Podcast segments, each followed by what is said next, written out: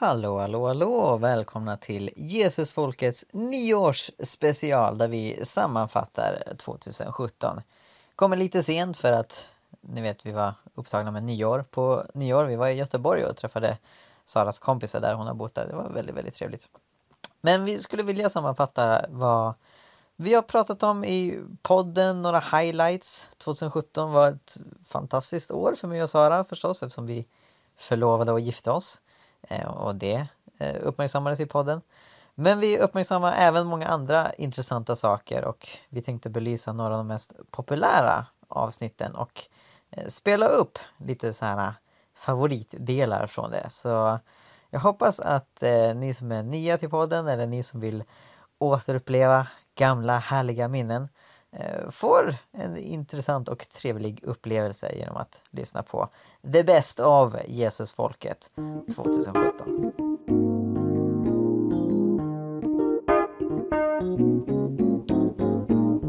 I januari 2017 så pratade vi om buddhismen. Sara har varit i Thailand. Eh, hon har läst en del om buddhism, jag har läst lite grann också. Eh, och hon såg en bild av buddhismen, eller snarare hon såg buddhismen som västerlänningar inte så ofta ser. Och vi pratade om hur otroligt olik buddhismen är jämfört med kristendom. Alltså det är ju en intressant grej för att vi har ju liksom fått för oss många gånger så här, ja, men att buddhismen är en så kärleksfull och härlig religion. Mm.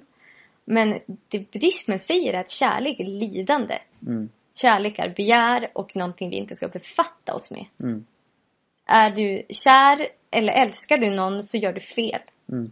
Du ska göra dig fri från det och vara helt likgiltig inför alla. Mm. Ja, precis. Jag minns någon som beskrev det som att en, en eh, buddhistisk munk som är nära att nå nirvana ska kunna se sin familj slaktas mm. framför sig utan att röra en min. Mm. Eh, Så är det. Och det är idealet i klassisk mm. buddhism. Mm. Allt är lidande. Målet är att inte återfödas. Mm. Och du ska, du ska inte tycka, alltså ska du, äter du mat och tycker att den smakar gott, då gör du fel. I februari, som ju var månaden då vi förlovade oss, så pratade vi om äktenskapet utifrån en podd med Lisa och Francis Chan. Eh, och de trycker på det här att äktenskapet inte handlar om att vi ska bekräfta oss själva i vår partner eller bilda en liten egen gosig-gosig mysfamilj. Utan äktenskapet som insikt av Gud handlar om att vi ska bli ett team som tillsammans sprider Guds rike för att vi behöver någon som står vid vår sida. Eh, och det är det perspektivet vi måste ha eh, när vi gifter oss. Om det inte leder till att vi främjar Guds rike, då ska vi inte göra det. Det är ju så vanligt, tyvärr, med radikala, hängivna lärjungar till Jesus som är aktivister, evangelister, mm. som gör jättemycket för Guds rike. Inte på ett osunt eller utbrännande sätt utan verkligen har fått massa gåvor som, som de kan använda. Mm. Och sen hittar de någon.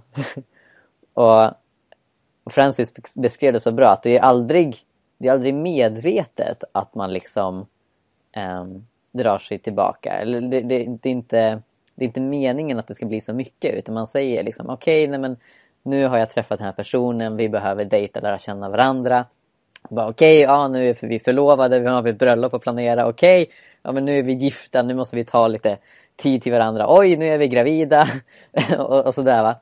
Mm. Ehm, så att liksom, det blir ständiga ursäkter och sen när liksom alla barnen är utflugna, men då är vi för gamla. Mm. för att hjälpa till i, i församlingen i Guds rike. Och det är inte Guds tanke med äktenskapet. Nej. Det är verkligen inte det. Nej, men precis. Eh, och jag tycker det var, eh, det var... Det var en annan predikan som, som jag lyssnade på en dag också av Francis. Mm. Som, eh, där, han, där han sa typ, ja, men så här, kan, kan du komma och tänka på ett enda par där de faktiskt har blivit mer radikala av att gifta sig? Snälla berätta det. För jag känner inte till något par. Och att det, att det typ alltid blir en avradikalisering, tyvärr. Ja, jag kan nog komma på. Ja, alltså visst. Det, det, finns ju såklart undantag som bekräftar regeln. Men, men regeln... Alltså, det, är, det är vanligt, absolut. Otroligt vanligt.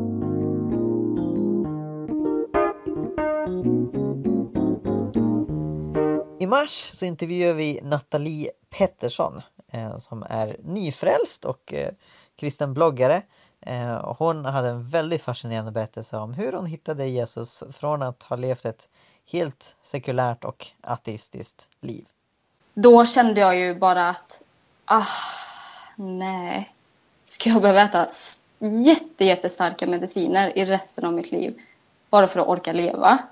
Mm. Um, jag ville inte det. Så att um, då... Alltså, jag vet inte om... Det, um, när man har så svår ångest så är det ju liksom som att det tar över hela kroppen. Mm. Och man, man blir ju liksom förlamad på något sätt. Man kan ju mm. inte göra någonting. Det är ju som att det griper tag i allt och bara tar mm. över allt. Och då till slut så kände jag bara att amen, jag vill inte dö men jag vill inte leva så som det var då. Och den här mm. ångesten hade ju kommit och gått i princip ända sedan jag blev tonåring. Um, och jag såg ingen väg ut överhuvudtaget. Um, men då blev det liksom att jag i ren desperation bad snälla Jesus hjälp mig. Om det finns så får du hjälpa mig. Mm. Liksom. Mm. Och det var väl inte som ett trollerislag heller. Men det var då det började vända. Mm. Och jag tog beslutet att nej, nu, nu ger jag upp. Mm. Mig själv, mm. eller vad ska man säga. För det var ju det man var tvungen att göra. Eh, jag har inte tagit några mediciner överhuvudtaget. Mm. Och idag mår du bra? Idag mår jag bra. Jag kan säga att jag har aldrig haft en sån här lång ångestfri period. Wow! Tack Jesus. Fantastiskt. Mm. Mm. En annan intervju som blev väldigt populär var den med Kajsa Törn som vi hade i april. Eh, hon är en vanlig tjej i Örebro eh, som kan se saker profetiskt. Hon kan se änglar, hon kan se saker som sker i andevärlden. Det var otroligt spännande att lyssna eh, på hur det fungerar och vad det är hon ser. Det var, det var faktiskt en bild jag fick först, eller inför en konferens här, så såg jag hur det var en stor duva i mitten av kyrksalen typ och jag bara såhär, yeah nice, Guds ande kommer vara där typ och ja men så eh, och sen när vi, när konferensen väl var under ett möte så såg jag då den här duvan i anden liksom i rummet. Eh, och vid ett tillfälle så eh, var det som att det skickades ut ett mindre duvor från den eh, ut över människorna som, som var i rummet. Jag tror det var lovsång liksom, som folk står och tillber så här. Och jag bara, ja Guds ande rör sig typ, heja. Eller så här, bara, ja Gud, kör. Um, men ser ju, eller så här, hur, hur de här duvorna landar på människor. Och eh, men de, de första som jag såg, eller det var ju, man fick ju följa, det var så många duvor så man fick ju bara välja en och så ser man liksom var de, var de landade. Och, eh, Ja men när jag såg ju, alltså verkligen så här, den sekunden som den landade så här, på en, en tjej som står tillbad liksom, så ser jag ju hur hon blir alltså, fysiskt berörd av Gud. Liksom. Och, och jag ser det i liksom, hennes kropp och på samma sätt när en annan duva landar liksom, på någons panna och jag ser hur de blir alltså, berörd känslomässigt. Liksom. Eller så här, ja, man kan ju mm. bli berörd mer än det men jag såg liksom, känslor från personen.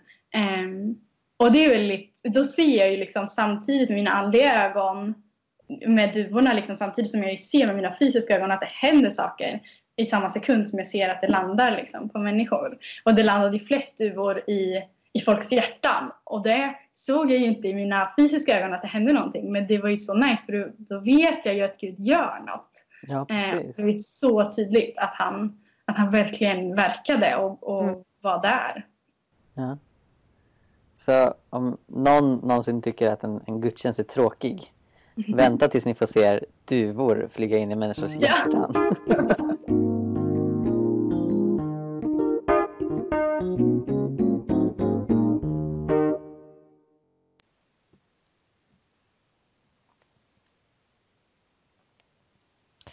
I april så delar vi också med oss av den föreläsning som Sara och Johannes Widlund hade på KTH i Stockholm. Kristen, konservativ, kvinnoförtryckare och klimatförnekare. Olika eh, myter och eh, felaktiga bilder av kristendomen som finns där ute. Kristendomen har genom historien utnyttjats för maktsyften. Eftersom budskapet i Bibeln är så radikalt och skarpt i sig själv så har man behövt tolka om och tona ner stora delar av budskapet för att liksom vända det till maktens fördel. Och anledningen till att man har gjort det här eh, är att man genom att förändra eh, grunden i, en, i den rådande religionen i ett religiöst samhälle som i princip alla samhällen har varit rent historiskt eh, så kan man manipulera och forma folks vilja och värderingar och ge motiv till att göra moraliskt tvivelaktiga saker. Vilket kommer väl till pass som exempelvis diktator eller någon annan typ av makthavare. Det finns otaliga exempel på det här. Som Johannes nämnde tidigare så William Wilberforce Um, han uh, kämpade mot slaveriet. Men även om han gjorde det så kidnappades liksom, kristendomen samtidigt för, och liksom bändes, man vände Bibelns budskap till att samtidigt legitimera slaveriet. Eh, genom att säga att, hitta stöd i Bibeln för att vita människor är mer värda. Eh, och därför så har man rätt att förslava resten av världens befolkning för att till gagn, till gagn för de vitas rikedom, handel och kapitalism. Och det här till trots att Bibeln säger att vi ska släppa stavar fria, att man omöjligt kan göra skillnad på etniska grupper eh, och att alla människor är lika mycket värda. Och det här var ju det som, som också motiverade Wilberforce till att, till att reagera mot det här och kämpa mot slaveriet i Storbritannien.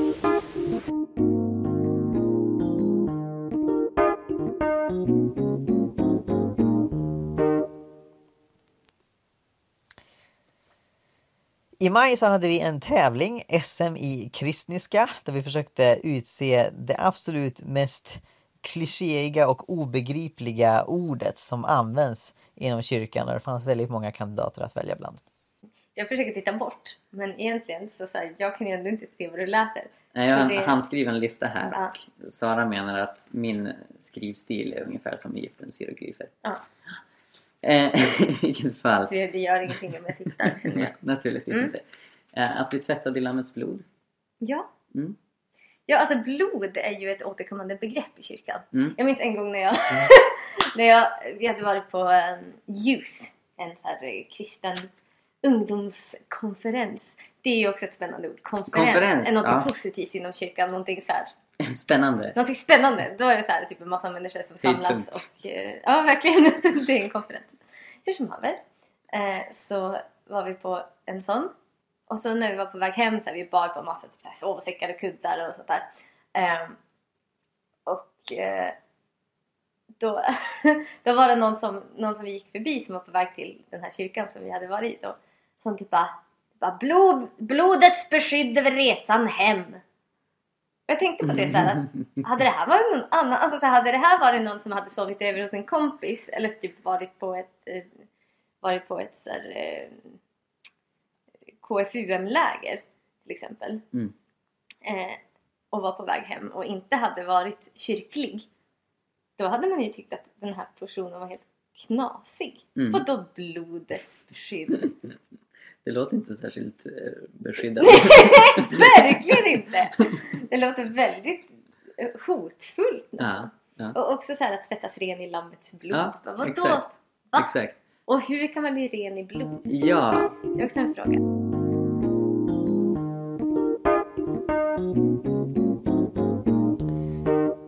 I juni så pratade vi med vår vän Samira om hur kristna porträtteras i skolan och hur ateismen har en dominerande ställning när det gäller perspektiv från vilket undervisning ges.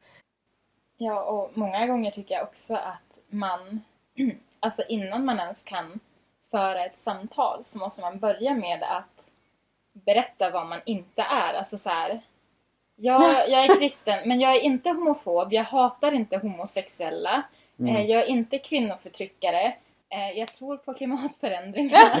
alltså här, att det, någonstans till slut blir det nästan så här absurt att så här, okej, okay, Mm. Det är så man börjar istället för att Alltså så här, istället för att ha ett neutralt utgångsläge där Mm. folk faktiskt lyssnar på det man säger utan att ha liksom förutfattade meningar Mm. kring Mm. hur man är.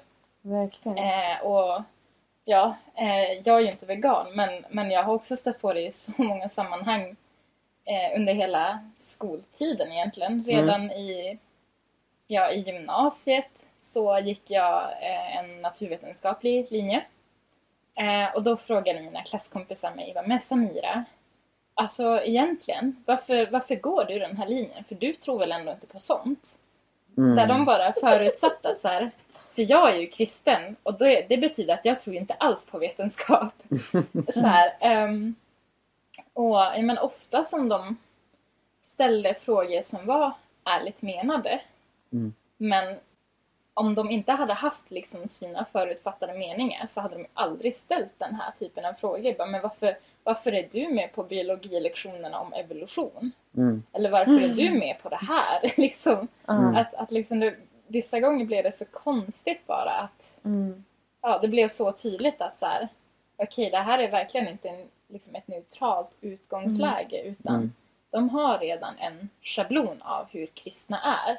Mm. Samtidigt som många av dem sa att du är den enda kristna jag känner.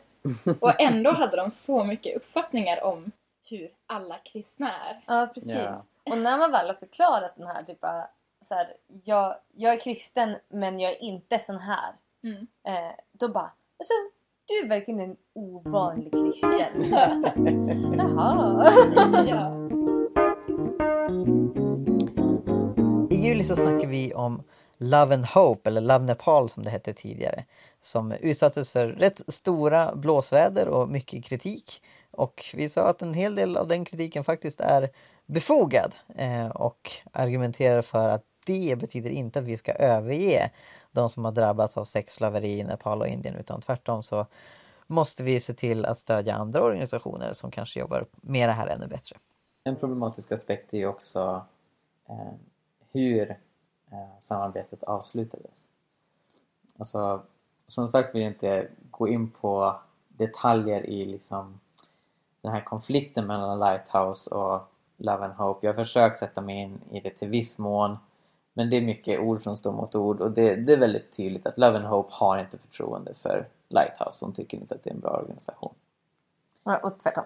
Och tvärtom. Precis. Eh, men just det här att de då väljer att eh, med omedelbar verkan avsluta allt givande eh, till Lighthouse. Mm. Eh, de erbjöd att, att hjälpa Lighthouse med mat och det sa Lighthouse nej till för att de tyckte att det var för lite och för att de kände sig typ bedragna. Men då har konsekvensen varit att andra organisationer som har stöttat Lighthouse och det är dels Out of Ashes men även eh, organisationer från andra länder, USA och Singapore och så vidare. De har ju fått bära ett tyngre lass. De har inte lyckats täcka för Love, Love Nepal som det hette då har, har kunnat ge väldigt mycket som du var inne på. Mm. Och det har gjort att ehm, i vart fall till en början så var de anställda där tvungna att jobba gratis.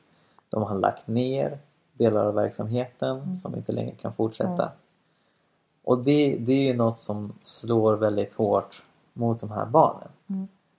Eh, Det jag tycker är, är så, så väldigt tragiskt är att eh, Love and Hope och Lighthouse och de andra aktörerna inte kom fram till en annan lösning. Precis. Att man hade, inte fasade ut hjälpen istället Precis. för att strypa den direkt. mm, det hade verkligen kunnat skötas på ett så mycket snyggare sätt.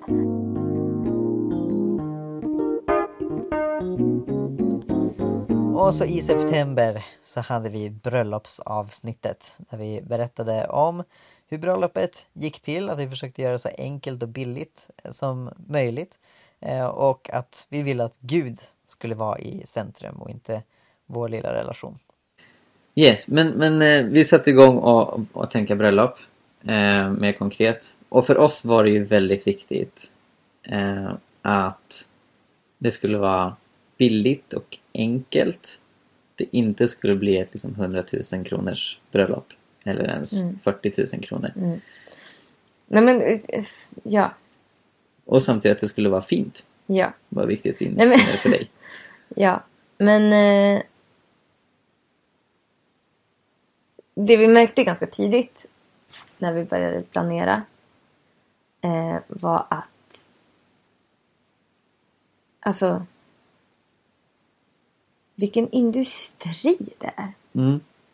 Oh ja. Alltså bröllopsindustrin. Det, det är ju helt absurt. Tycker jag. Alltså, ja. Hjälp. Alltså när jag började räkna på så här. Vad... Alltså så här. Men vi, vi, vi en på Pinterest. Som alla gör inför- sina bröllop. Men det är faktiskt en ganska bra resurs att få lite inspiration.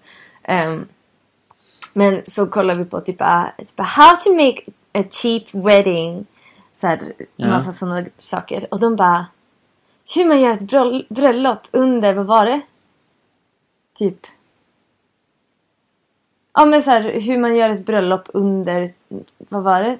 30 000 kronor eller någonting. ja, precis. Eh.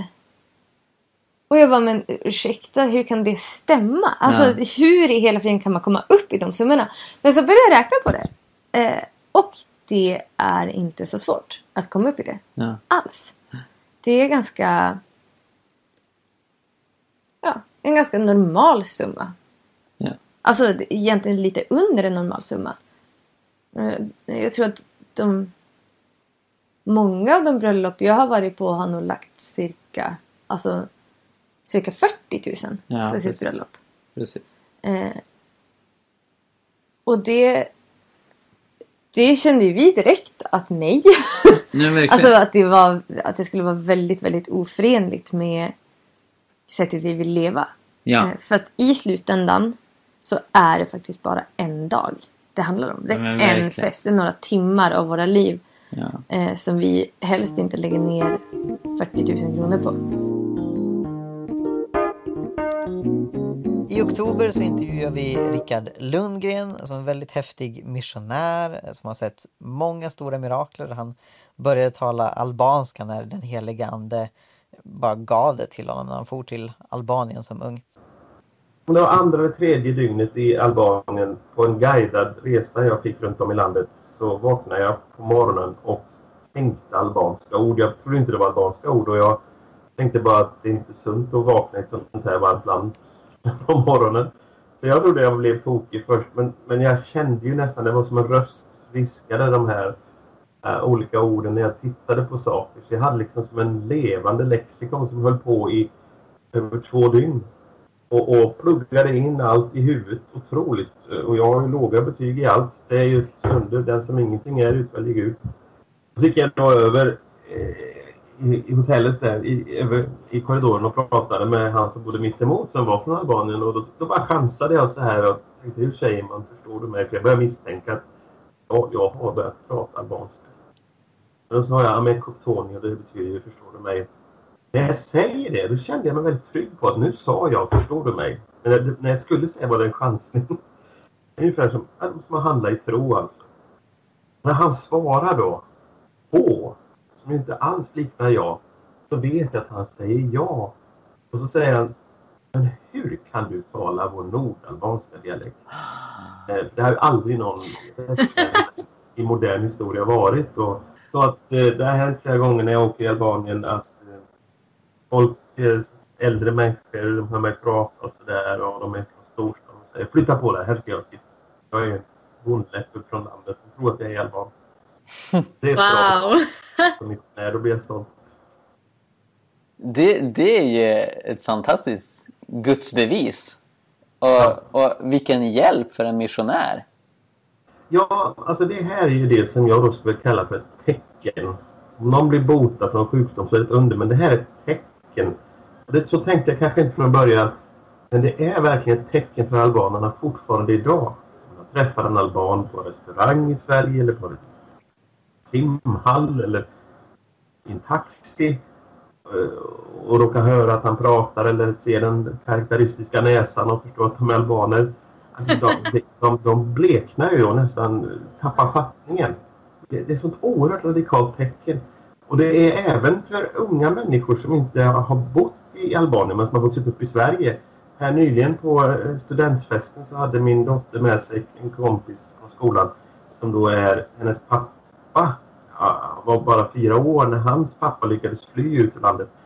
Men hon har ju hört från farfar lite hur man pratar albanska och så säger hon pratar ju bättre än farfar.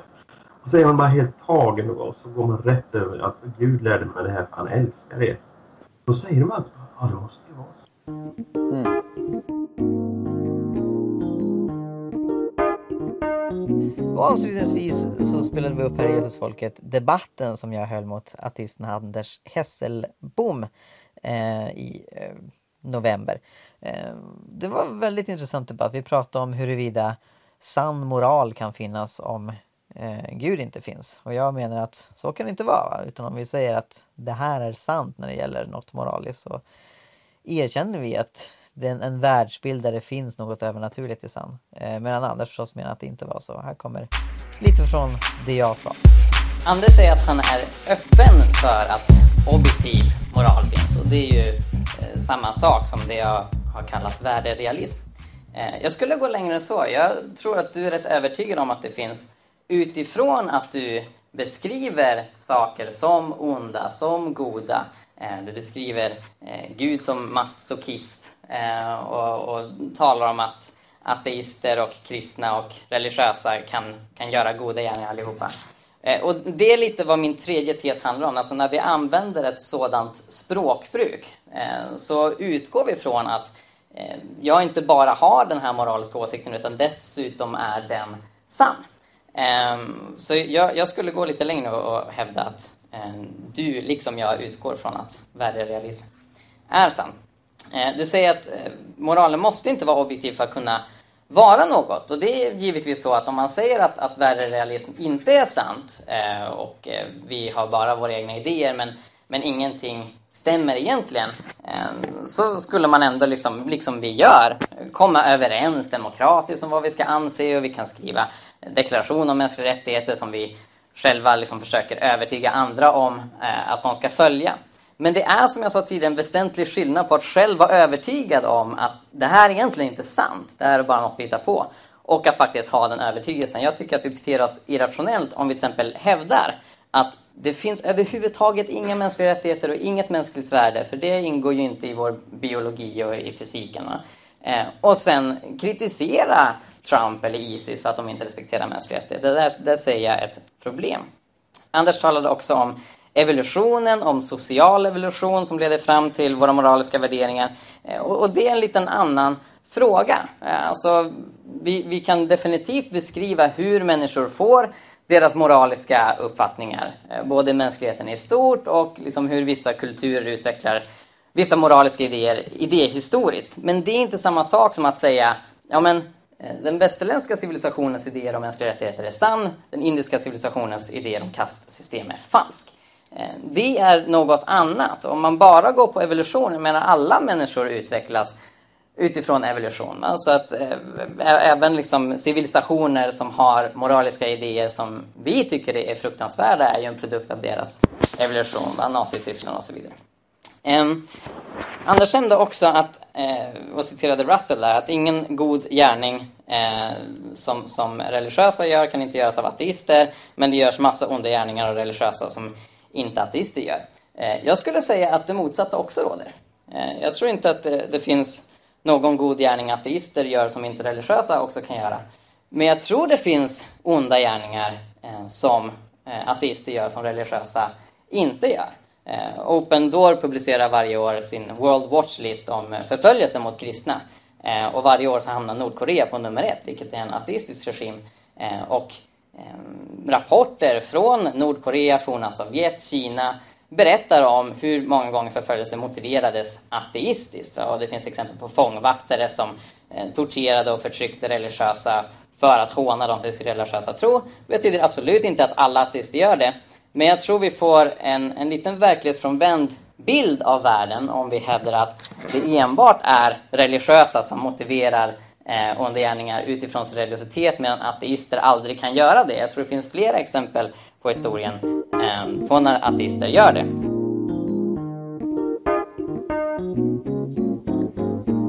Det var några av de highlights vi hade att bjuda på. Eh, säg gärna till oss om du har någon idé om vad vi ska podda om och, eller någon person som vi kan bjuda in att snacka i podden.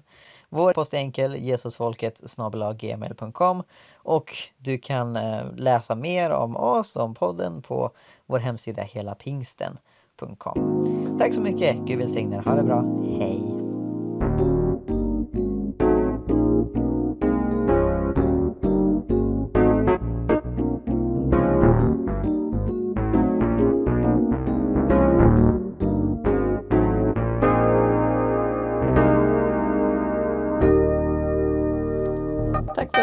Jesusfolket. Den här podden drivs av Jerusalemprojektet som också står bakom bloggen Hela Pingsten. Och för att se hur du kan stödja och hjälpa oss utveckla podden vidare, gå in på jerusalemprojektet.org och läs mer. Gud välsigne er, ha det bra, hejdå!